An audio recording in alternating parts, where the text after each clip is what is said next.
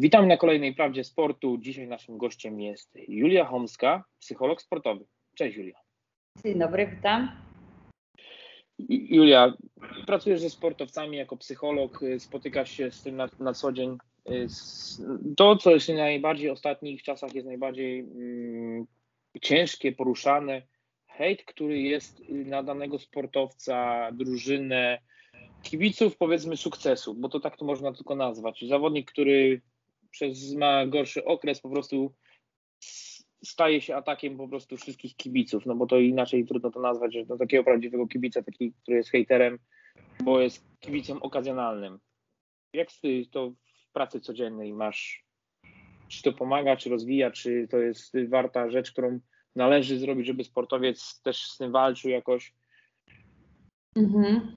E, musimy zacząć od tego, że w ogóle zjawisko hejtu było od zawsze, tylko kiedyś, kiedy e, nie było mediów społecznościowych i każdy nie chodził z telefonem, z internetem w kieszeni, to zawodnik z tym hejtem się spotykał ewentualnie na stadionie czy to na hali, tak, posłyszał, że jest beznadziejny e, bądź gorsze epitety i to właściwie się kończyło w momencie, kiedy wracał do domu, kiedy opuszczał e, właśnie stadion czy halę. Teraz e, hejt tak naprawdę jest e, wszechobecny i, i e, niektórzy śmiałkowie próbują zawodników, zawodniczki, trenerów, ale też osoby współpracujące, bo też e, dotknęłam hejtu bardzo, bardzo mocno, spacyfikować tak naprawdę wszędzie, czyli przed zawodami, w trakcie, po, tak zawodnik dostaje tak naprawdę wiadomości na wszelakie źródła możliwe. E, więc tutaj bardzo ważna jest rola osób, które to moderują zawodnikowi, żeby absolutnie osoba, która uprawia sport, czy też w tym sporcie funkcjonuje, żeby nie miała do tego dostępu. E, wiadomo, że kibic, e, kiedy płaci za ten bilet bądź płaci abonament za telewizję, za ten program, wymaga. Wymaga po prostu wyniku i bardzo łatwo jest swoją frustrację, niepowodzenia w pracy, w życiu, czy po prostu gorszy humor przelać na bardzo dosadne a bardzo też często groźby karalne w stosunku do osób, które sport uprawiają.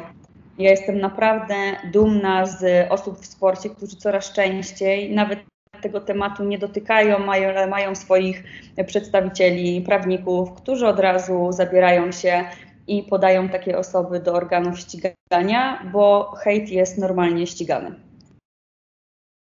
Dobrze, a powiedz mi, no, mm, zawodnik, no, dostaje te wiadomości, niewiadomości. Czy ty jako psycholog z nim siadasz, pracujesz, y, tłumaczysz, czy to jest po prostu człowiek musi sam chcieć, czy to trzeba się otworzyć i trzeba to wytłumaczyć, czy warto reagować na to, czy nie warto reagować. Bo wiadomo, jak ktoś jest na, na bieżąco, szybko to reaguje, to, to jest nieprzemyślane czasami te odpowiedzi. One bardziej tam przeszkadzają takiemu sportowcowi, niż to jest mhm. przemyślane takie działanie. Czy ja jestem w ogóle zdania, i to chyba Robert Lewandowski w którymś z wywiadów użył świetnego sformułowania, że on kompletnie nie czyta żadnych informacji na swój temat, ani negatywnych, ani pozytywnych, bo tak jak negatywne potrafią e, podciąć skrzydła, zablokować pewność siebie, wiarę w siebie, w swoje możliwości i umniejszyć swoją osobę, tak te pozytywne budują oczekiwania. I nagle na mecz nie wchodzi się z nastawieniem i z, tą, z takim swoim pobudzeniem sportowym optymalnym, tylko my chcemy wtedy coraz więcej, coraz mocniej grać, coraz więcej zdobywać punktów, być coraz szybszy, coraz bardziej sprawni. I to też powoduje, że te oczekiwania nas po prostu miażdżą. Tak więc, e, kiedy zaczynam pracę z, ze sportowcem, czy w ogóle właśnie, tak jak mówię, i trenerem, ale i coraz częściej z, ze sponsorami, e, są takie rozmowy coachingowe z prezesami, w ogóle eliminacja całkowicie czytania informacji na swój temat. Jeżeli ktoś przychodzi, bo tak jest coraz częściej, że sobie ewidentnie nie radzi z hejtem, bo jakby to wiadomo, że szybciej do nas trafi niż pochlebna opinia, jest na pewno dużo bardziej piętnująca, odciskająca piętno na naszej psychice, e, wówczas zaczynamy sobie racjonalizować, co tak naprawdę jest tam e, napisane i czy tak naprawdę Ile jest w tym prawdy, a może czasami będzie to jakiś element do pracy. E, niemniej jednak zawsze e, po takim troszeczkę spojrzeniem z dystansu, na to trochę tak z dawką też humoru mówię oczywiście, e, żeby na to spojrzeć, zawsze jednak skłaniamy się ku temu, żeby tych komentarzy po prostu nie czytać. Dobrze, nie, nie, czytać, ale z, frustracja w pewnym momencie, że tak, no jest jakaś granica jest przekroczona, to kibice, nie kibice, bo to tak samo się dzieje z ludźmi, którzy są w najbliższym otoczeniu, też w jakiś tam sposób wpływają na yy, zawodnika, jakieś nie, nie, niepochlebne opinie, jakieś z, fake newsy idą. No i taki zawodnik musi potem wyjść i stanąć naprzeciw takiego kibica, tak? Tak jak sama mówisz, on wymaga, bo płaci, bo y, ma tą chęć zobaczenia. Ale czy taki zawodnik w tym momencie no, w pracy z tobą jest w stanie obejść to wszystko? Czy ten problem po prostu też zależy od osoby, chęci pomocy, czy też współpracy? Mhm. Jest bardzo dużo czynników zewnętrznych, z którymi sobie musi sportowiec radzić kibice, czy to hejtujący, czy to y, nam bijący brawo, to też jest czynnik rozpraszający. Tak samo jak y, miejsce, w którym będziemy uprawiać tą dyscyplinę, tak samo jak sędziowie, pogoda i naprawdę milion jeszcze innych czynników. I to tylko od zawodnika zależy, na ile on wypracuje swoją pewność siebie, swoją koncentrację, swoją taką izolację sportową, na ile on wejdzie w swoją rolę sportową i odetnie się tak naprawdę od wszystkiego bo na dobrą sprawę zawodnik powinien mieć wytworzoną taką gotowość sportową, że w momencie, kiedy wchodzi do szatni, przebiera się obojętnie, jaki by to nie był strój, e, wchodzi w taką bańkę koncentracyjną, można tak to sobie zobrazować, i nie dotyka go tak naprawdę nic. On zostawia wszelkie problemy, które e, dzieją się w domu, w szkole, w pracy, bo bardzo często osoby łączą różne role i jest skupiony tylko i wyłącznie na celu, na swoim zadaniu na ten jeden mecz. Więc od hejtu też trzeba nauczyć się odcinać. Dobrze, a powiedz mi, bardzo teraz taki mm, nagonka jest na popierających związki homoseksualne, na tych, którzy tego nie popierają, rasistowskie, no, odgłosy, od meczów w Bukareszcie, w Budapeszcie po y, y, akcję y, Black Lives Matter, gdzie część się z tym zgadza, część się nie zgadza i tak zawodnicy już w grupie, bo to jest grupa, tak jest atakowana, bo to nie jest tylko atakowany indywidualnie mm, e, zawodnik, tak jak na przykład sytuacja Glika z e, meczu z, z Anglią, gdzie y, próbują jakby też to wykorzystać w ten sposób, bo nie, nie obrażając nikogo, żeby to też tak nie wyszło, że y, osoby, które są na przykład ciemnoskóre, innego odmianu i, i jakiejś innej ra, ra, rasy, po prostu też się czasami starają y, wykorzystać moment. To też jakby inaczej wpływa też na drugą stronę tych zawodników przeciwnych, kibiców. Taką mhm. reakcję to wy, wykazuje.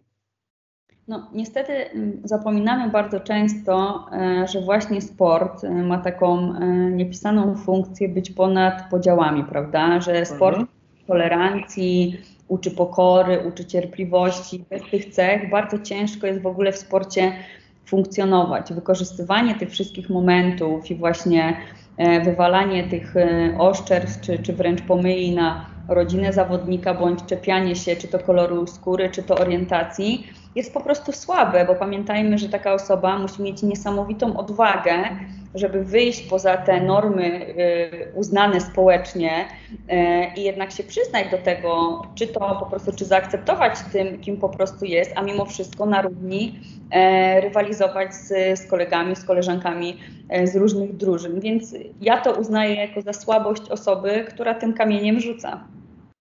Dobrze, ale na, na przykład ten kamień został już rzucony, już wszystko, ale na przykład sport powinien łączyć, tak? Nie, niezależnie od naszych wioślarek i no, y, Kasia Zilman i, i, i, kurde zawsze, i Klepacka, tak? Mhm. Podały sobie ręce, że stoją, y, że sport jest ponad wszystkim. Jedna ma taką styl życia, drugi ma taki i każda to artykułuje i się tego nie wstydzą ale znowu ludzie idą za jedną, inną za drugą, ale jak już się połączyły, to już jest w ogóle całkowicie odmienność tych samych ludzi, nie wierzą w pewne sprawy. No tak, no niestety tak było, pewnie jest i niestety będzie. Fajne jest to, że, że sportowcy przy okazji wielkich sukcesów i tych dużych eventów dają taki przekaz, y, czy to bardziej świadomy, czy nawet podprogowy, żeby jednak nawet niech on trafi do jednego na tysiąc kibiców i zobaczy, że jednak warto jest stanąć Ponadto jednak zastanowić się choćby przez chwilę, że ktoś może mieć inną orientację, inny kolor skóry, inne wyznanie, a jednak też może wygrywać, może pobijać rekordy. Więc tutaj to wszystko też zależy tak naprawdę chyba od e, danego humoru i, i, frustracji kibica, który dziś ciebie e, poklepie, bo jesteś fajny, jutro niestety wygwizdze, no bo nie spełniłeś jego oczekiwań. I z tym chyba nie da się walczyć i tu znowu podkreślę, że tu jest rola właśnie tej siły mentalnej i tej odporności psychicznej, czyli tak zwanej grubej skóry zawodnika, dlatego tutaj tak wielkie brawa dla tych, którzy, którzy potrafią wyjść ze swojej skorupy i jeszcze za tym e, niosą jakiś przekaz. Y, I popatrz, jest y, akcja e, Black Lives Matter, tak? Mhm. A dlaczego y, wszyscy, no stało się coś, no mm, jest walka z rasizmem, wszyscy ten, jedni reagują tak, drudzy tak. Y, jedni chcą y, wskazywać, y, nie wiem, na napis respekt, inni klękają, inni się ten.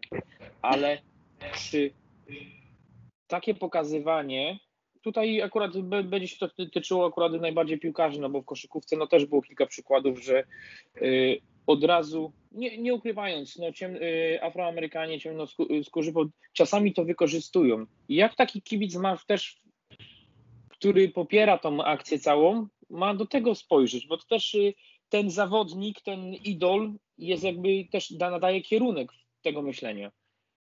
No tutaj już wchodzimy w psychologię tłumu i niestety, kiedy e, większość e, będzie skandowała obelgę na czarnoskórego na przykład zawodnika, no to e, mało która osoba będzie chciała się wybić i chociażby będzie stała w ciszy. To naprawdę musi być bardzo świadomy kibic e, i pewny siebie i swoich e, racji, swoich poglądów, żeby się z tego po prostu wybić, żeby odejść, żeby się sprzeciwić. Więc e, siła, siła tłumu jest naprawdę bardzo, bardzo mocna, jeszcze szczególnie w kategoriach kibiców, gdzie jest zawsze jakieś ryzyko, że po prostu coś może nam grozić, tak? Że tutaj nagle będzie jakiś przemoc siły. Ja sama pamiętam, ile razy kibice e, Stali Gorzów jechali do Zielonej Góry i bali się wyciągać szaliki, kiedy byli poza sektorem gości, bo było to po prostu bardzo niemile widziane i tak jest podejrzewam na większości stadionów, więc jakby no, ta, ta siła psychologia tłumu zawsze będzie ponad jednostką. No, dobrze, a powiedz mi, no taki y, jakby tutaj już wchodząc, tylko czy artykułowanie przez sportowców jakiejś tam mm, akcji, na przykład respekt, tak jak jest UEFA, FIFA robią to, ale jedna grupa robi tak, a druga tak. Czy to ma jakiś mocny wpływ na, czy to znowu dzieli tych kibiców, którzy jakby chcieli zwalczać tą homofobię, całą tą no to, co się dzisiaj dzieje, no bo nie, nie, nie da się obok tego przejść, no czy to jest y, koszykówka, czy to jest y, piłka nożna, czy siatkówka, czy jakieś indywidualne sporty. Szczerze mówiąc, e, sądzę, że e, takie sytuacje zawsze mogą być po prostu pretekstem dla kibiców, którzy przychodzą na, na widowisko sportowe nie po to, żeby kibicować, tylko szukając e, innych form rozrywki. Więc takie osoby będą zawsze to traktowały po prostu jako pretekst. I tutaj na tą chwilę według mnie absolutnie nic się z tym nie da zrobić. Zawodnicy fajnie, czy to kobiety, czy mężczyźni, coraz mocniej pokazują swoje zdanie, swoje opinie, oni się tego nie boją. E, a kibice to jest ich wybór, co oni dalej z tym zrobią. Dobrze, a powiedz mi teraz tak, jest y, pro, pro, problem oprócz tego całego, tej nagonki na kibiców, na to wszystko, ale to też jest w środku, tak? Zawodnik pokazuje, że jest z jednej strony tutaj wspiera to, wspiera y, jakąś inną akcję, jest ten, a potem przychodzi taki, nie wiem, czy to kryzys nazwać, czy nagle takie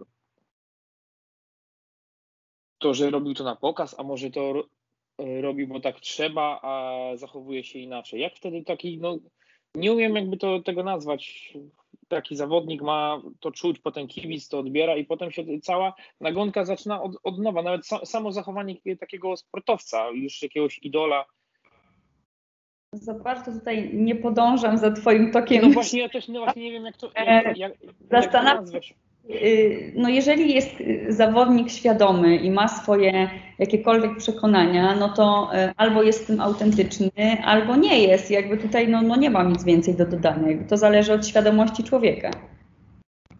Właśnie, to jest to, nie, nie umiem tego nazwać, no jest kilka takich mm, y, dziwnych zdarzeń w sporcie, no ale dobra, to sam jak ten to, y, powiedz mi, ty jako psycholog, y, bardzo często się z, zderzasz z taką już hejtem, czy tam nawet poniżaniem, nawet już określeniem molestowania zawodników gdzieś tam już wewnętrznie w danych organizacjach, bo tutaj nawiązuje do koszykarek, które bardzo mocno ostatnio w szkole w SMS-ie PZ Kosza w Łomiankach wyszło na jaw.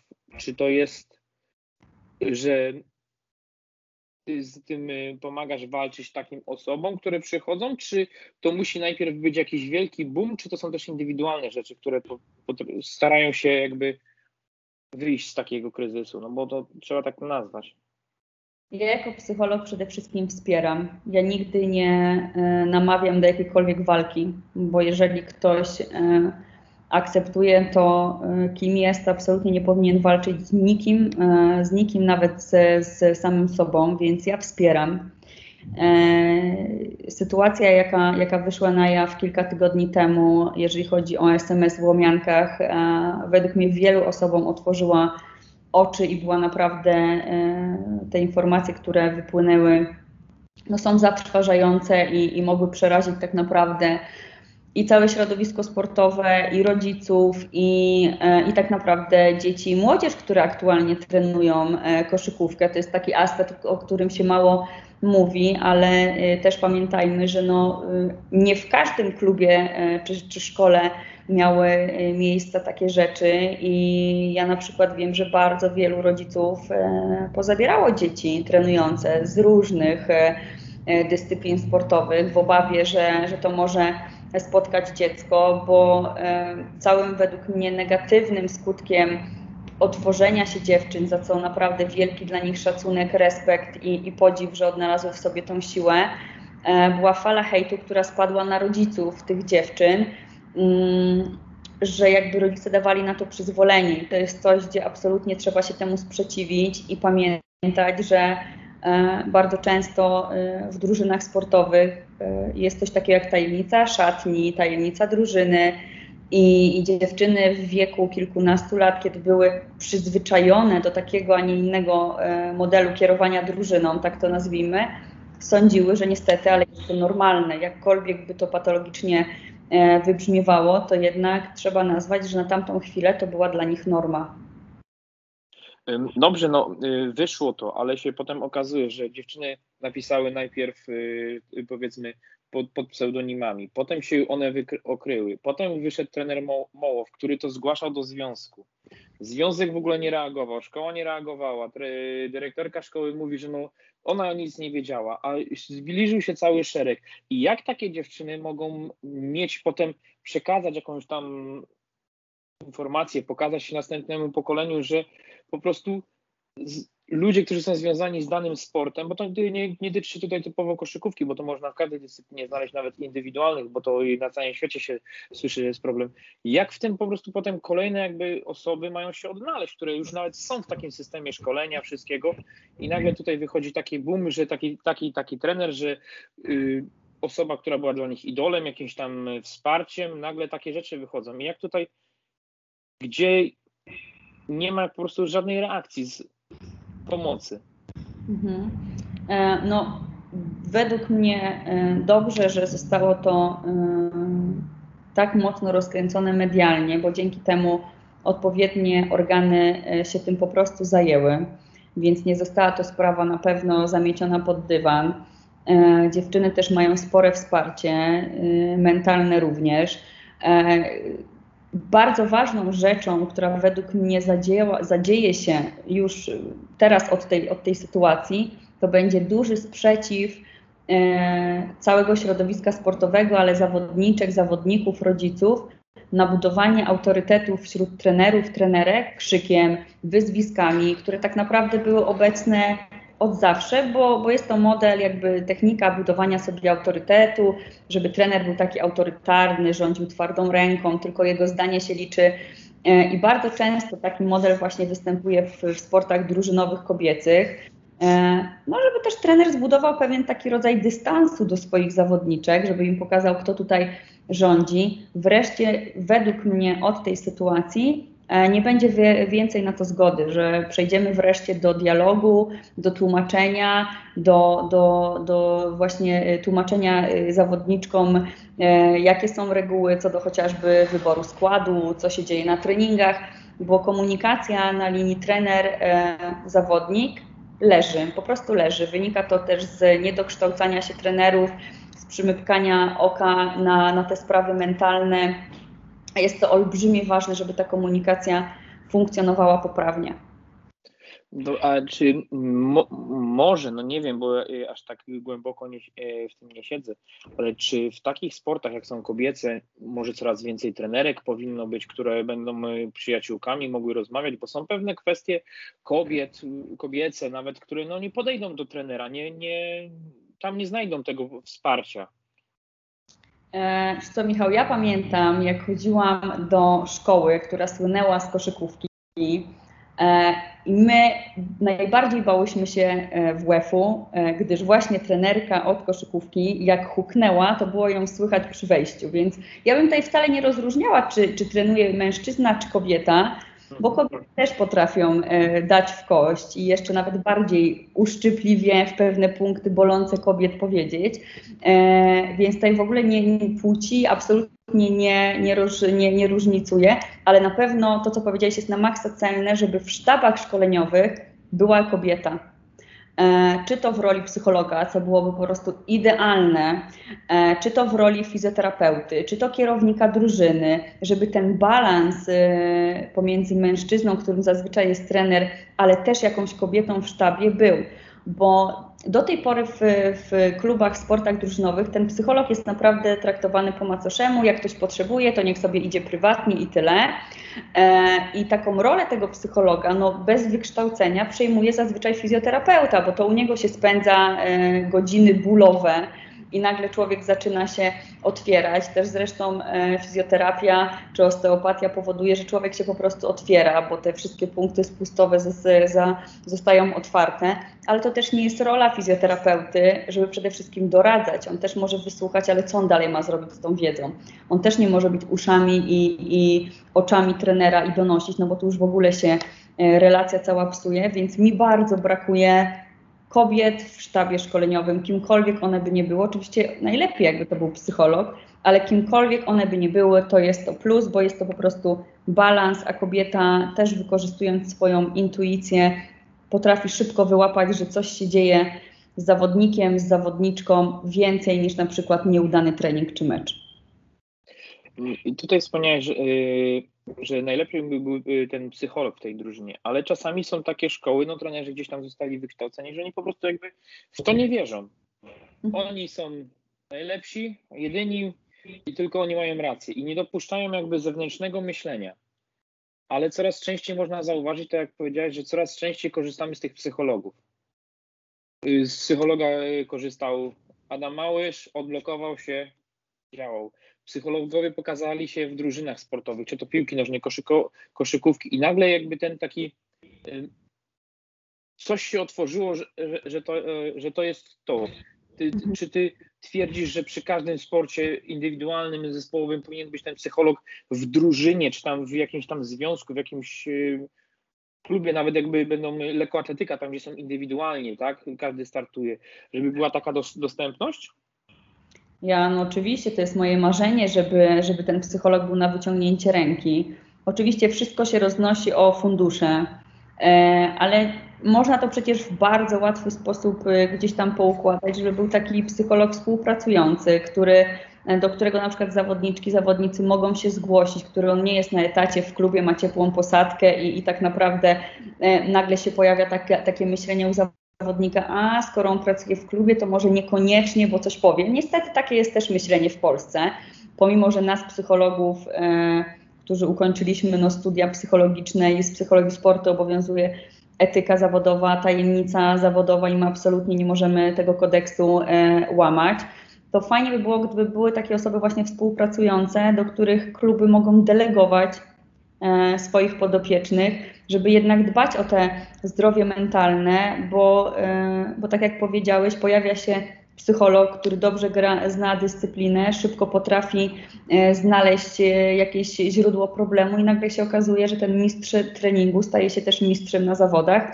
Jedynym mankamentem jest na pewno w sporcie polskim nieregularna praca.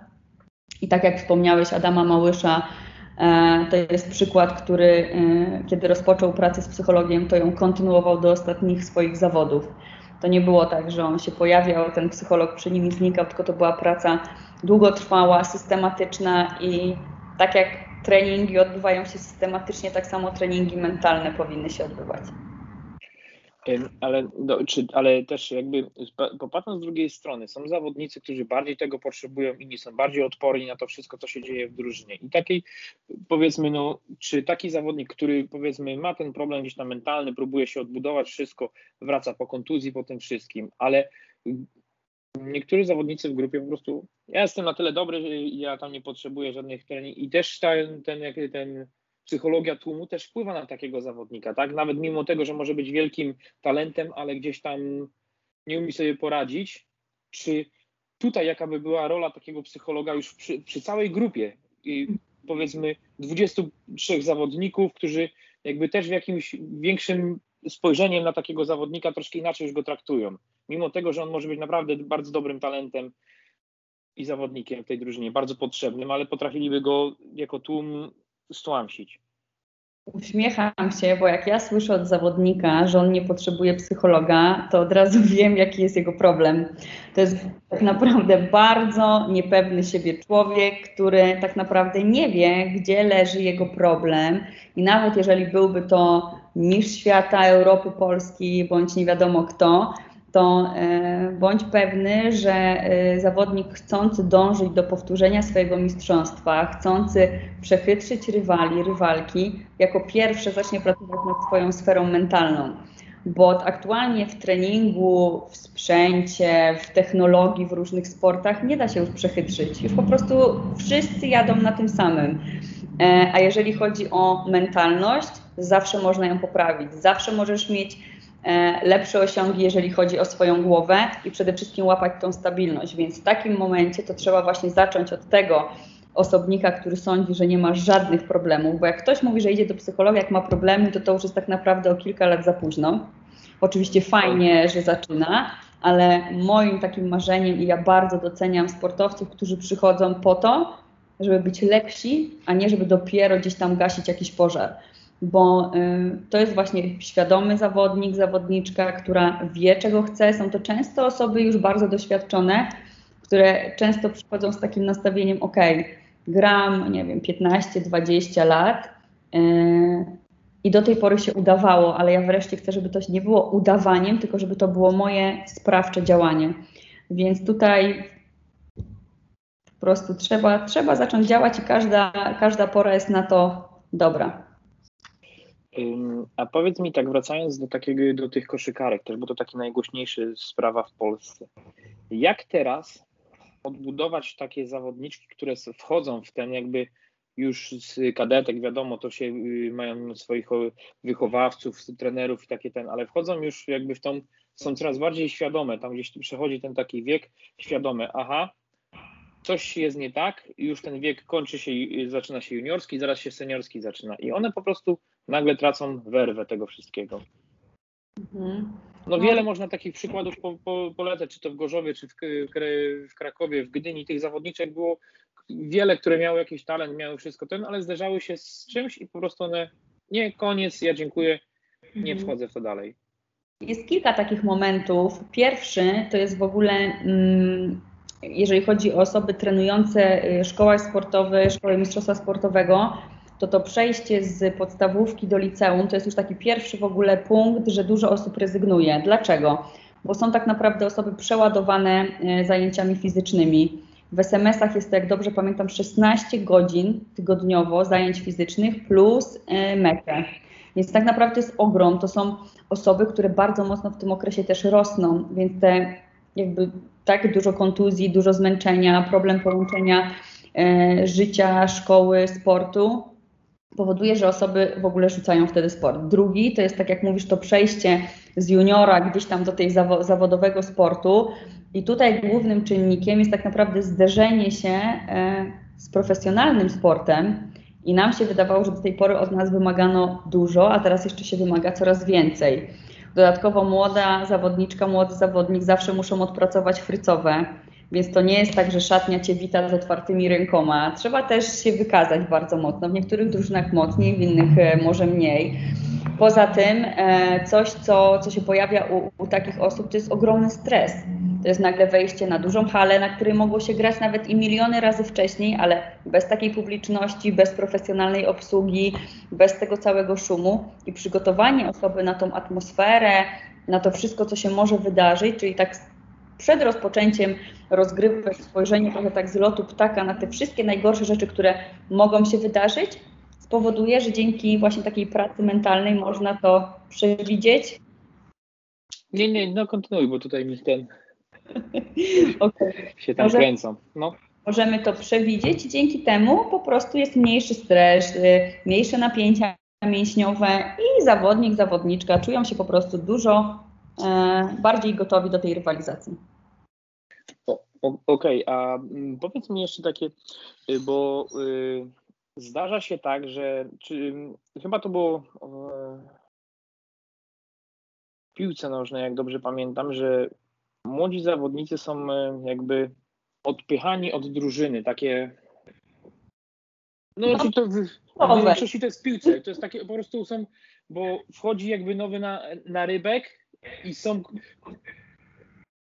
są dla kogoś jakby, że mogą ich zastąpić, że walczą o to miejsce, o to samo, które jest pewniejsze dla starszej osoby. I taka młoda po prostu gdzieś w pewnym momencie jest też jakby przez tą grupę starszych osób no, przytłamszona. Znaczy, no mówię, no młodzi zawodnicy muszą zapłacić frycowe, muszą e, się ograć, muszą odpracować w ogóle i, i, wejść w ten cały klimat. Te podziały w drużynie na starszyznę i, i tych młodszych zawsze będzie, ale mądry i e, dobrze obserwujący trener, trenerka, czy to właśnie osoba ze sztabu, tak zorganizuje czas, tak przeprowadzi integrację, tak zintegruje, że naprawdę tam będzie i super atmosfera i nie będzie to aż tak odczuwalne negatywnie nawet dla tych najmłodszych. Mhm.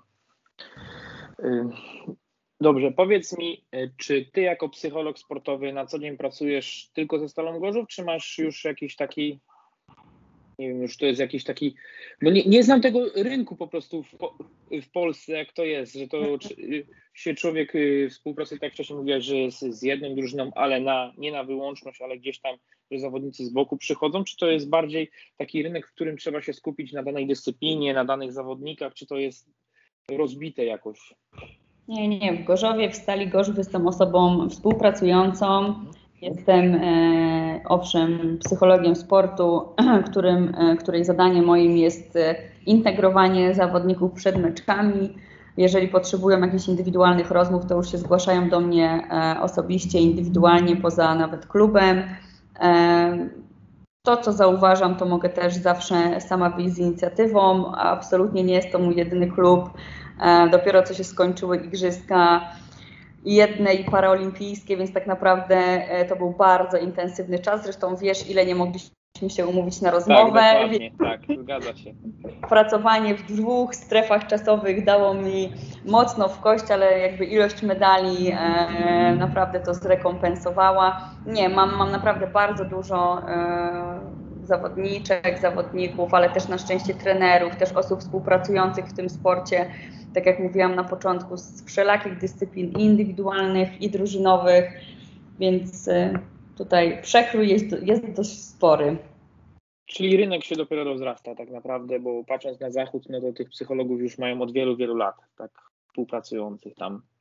Tak, dokładnie. Też trzeba podkreślić, że, y, że, że warto, żeby zawodnik wybierając osobę od swojego mentalu dobrze ją sprawdził i o tym będę powtarzała zawsze, żeby jednak trafiać do psychologa, który skończył studia magisterskie z psychologii, studia podyplomowe z psychologii sportu, żeby jednak nie iść do coacha, nie iść do trenera mentalnego, bo to pomoże tylko na chwilę. To jest taka praca bardzo yy, że tak powiem, po wierzchu, takie e, tutaj głaskanie i gdzieś tam tylko bazowanie na tych e, czynnikach e, bardzo, bardzo powierzchownych, a jednak ta praca z psychologiem jest dogłębna i, i bardzo fajnie, żeby tą odporność psychiczną właśnie budować od najmłodszych lat pod okiem specjalisty. Dobrze, teraz takie ostatnie pytanie, które mi naszło. Czy psycholog sportowy powinien już być w, pracy w szkole sportowej, czy dopiero na jakimś tam etapie? Czy to jest, czy to nie ma tutaj rozgraniczenia? Im szybciej, tym lepiej. W ogóle wydaje mi się, że w SMS-ach psycholog sportu to jest w ogóle pierwsza chyba osoba, która powinna być po, dyrekcji, po dyrekcji zatrudniona. I znowu powtórzę, to ma być wykształcony psycholog sportu, nie ktoś, kto zrobił podyplomówkę z psychologii sportu i coś tam wie i, i będzie tyle. E, jest to naprawdę bardzo ważna funkcja, żeby już w tych szkołach, tak jak powiedziałam, kiedy jest tak duże obciążenie fizyczne, odblokować psychikę i dawać to wsparcie psychiczne, żeby taka osoba, która, e, jeżeli tutaj mówimy właśnie o sportach drużynowych, bardzo często już z tych szkół są wyciąganych, prawda, na mecze ligowe albo są stanowią drugą drużynę, więc kiedy się już ogrywają, kiedy już e, stawiają czoła tym mm, dużym arenom, żeby jednak ta e, siła mentalna była na tyle mocna, żeby zawodnik, zawodniczka potrafili radzić sobie i ze stresem, i z presją, i potrafili się skoncentrować, i potrafili sobie poradzić z sukcesem, ale też z porażką. I przede wszystkim budowali cały czas swoją pewność siebie i świadomość tego, kim w ogóle są i jaką drogę będą dalej przemierzać. Teraz jeszcze jedna mi się nasunęło tak. Y, a taki psycholog współpracy po kontuzji, takiej mhm. cięższej, że no, no, niektórzy tracą zdrowie naprawdę już na całe życie, y, żużlowcy, piłkarze, no, w, ka w, każdej dyscyplinie można szukać, bo to jest y, indywidualne, nieindywidualne, groźne kontuzje. Jak taki, takiemu też zawodnikowi, zawodniczce tak może to pomóc, bo to różne są, się słyszy sytuacje, no niektórzy popełniają samobójstwo, jakby nie, pomoc przyszła za późno. No, tutaj jak ty to sądzisz i widzisz?